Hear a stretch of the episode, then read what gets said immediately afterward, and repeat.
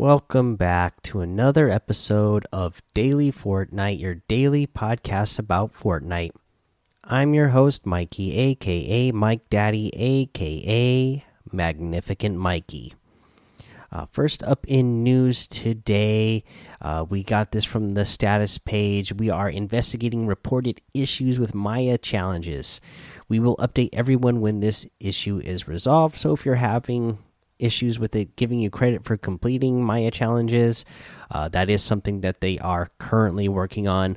Hopefully, they will get a fix for that soon, uh, but no fix for it currently. Uh, the other piece of news that I wanted to mention is that there are six days left for legacy controls. You have six days to manually change your settings. Go to controller options to turn off legacy look controls now. Uh, so, obviously, you have six days left if you want to keep using Legacy and you really want to just, you know, spam L2 until uh, you literally can't anymore. Uh, but uh, what I like out of this uh, was, you know, players already switching from pro players already switching from legacy to linear. Uh, we see that unknown army. he switched to linear, and guess what? He won NA East Hype Night Plus. Uh, we just talked about the Hype Nights and the Hype Night Plus and how you you know you bid uh, or you wager some of your hype points so that you can get a higher amount. Uh, we've seen Unknown Army win a lot of uh, cups uh, this over the past however many months now, just really rising up in the scene on controller.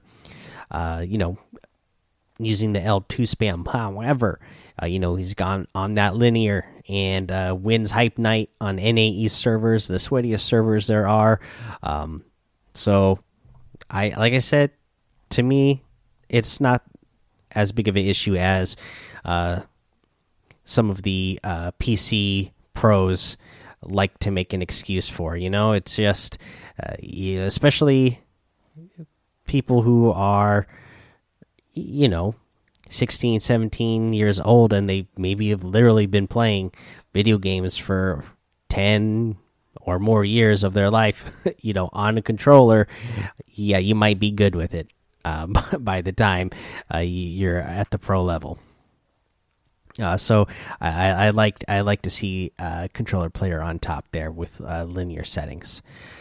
Let's go ahead and talk about a challenge tip for a challenge. Let's go ahead and talk about eliminate players without using shield or healing items in between eliminations. You need two total. You know where to go, guys. Team Rumble, that's the place to get it done.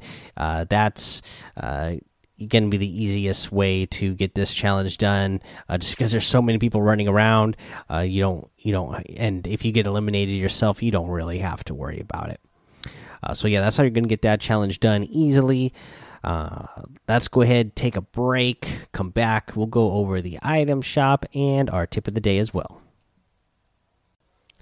All right, let's take a look at the item shop now. Uh, let's see, we have the new Zina outfit.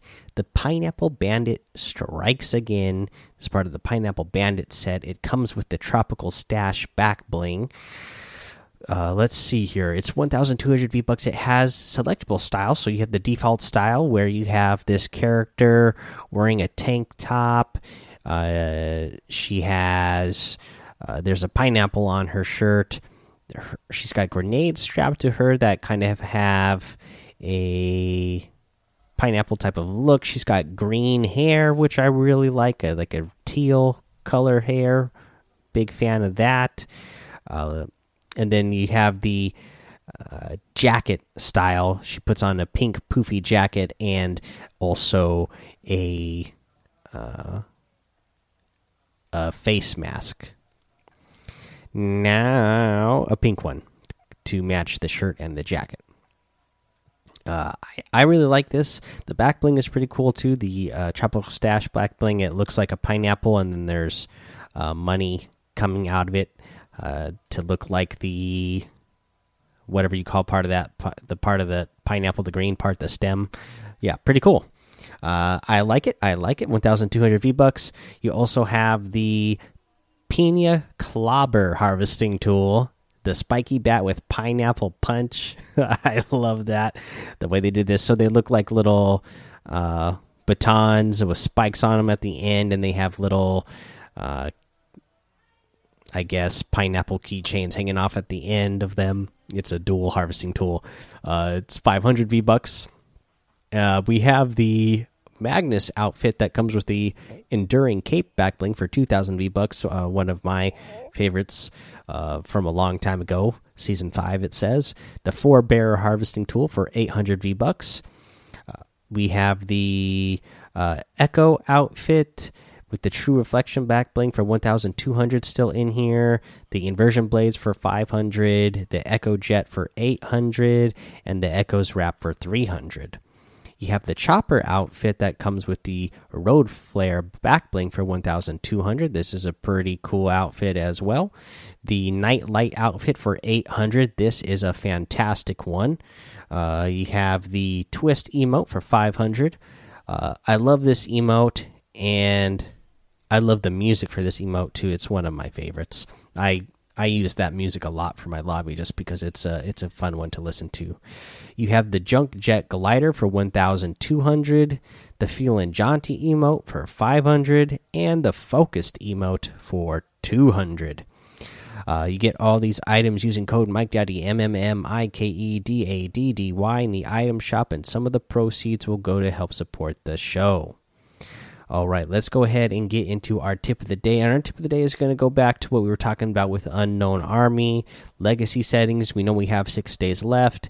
Yeah, you could use legacy settings for the last six days if you really want to, or you can switch to linear now, start practicing on it, and get ahead of the game, get ahead of everybody else on controller, especially if you're one of the people who, uh, you know, if you have your settings to you know platform only so that you're only going against other players on your platform get ahead of those players uh, you know and and switch to the linear settings now so that you will be ahead of them and be already be used to those settings uh, when they when they are forced to switch over and then they're kind of fumbling around trying to figure out uh, the fine details of how to best use the linear settings Get ahead of them.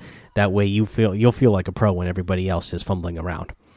All right, guys, that's the episode for today. Go join the Daily Fortnite Discord, hang out with us. Follow me over on Twitch, Twitter, YouTube, Mike Daddy on all of those. Head over to Apple Podcasts, leave a five star rating and a written review for a shout out on the show. Make sure you subscribe so you don't miss an episode. And until next time, have fun, be safe, and don't get lost in the storm.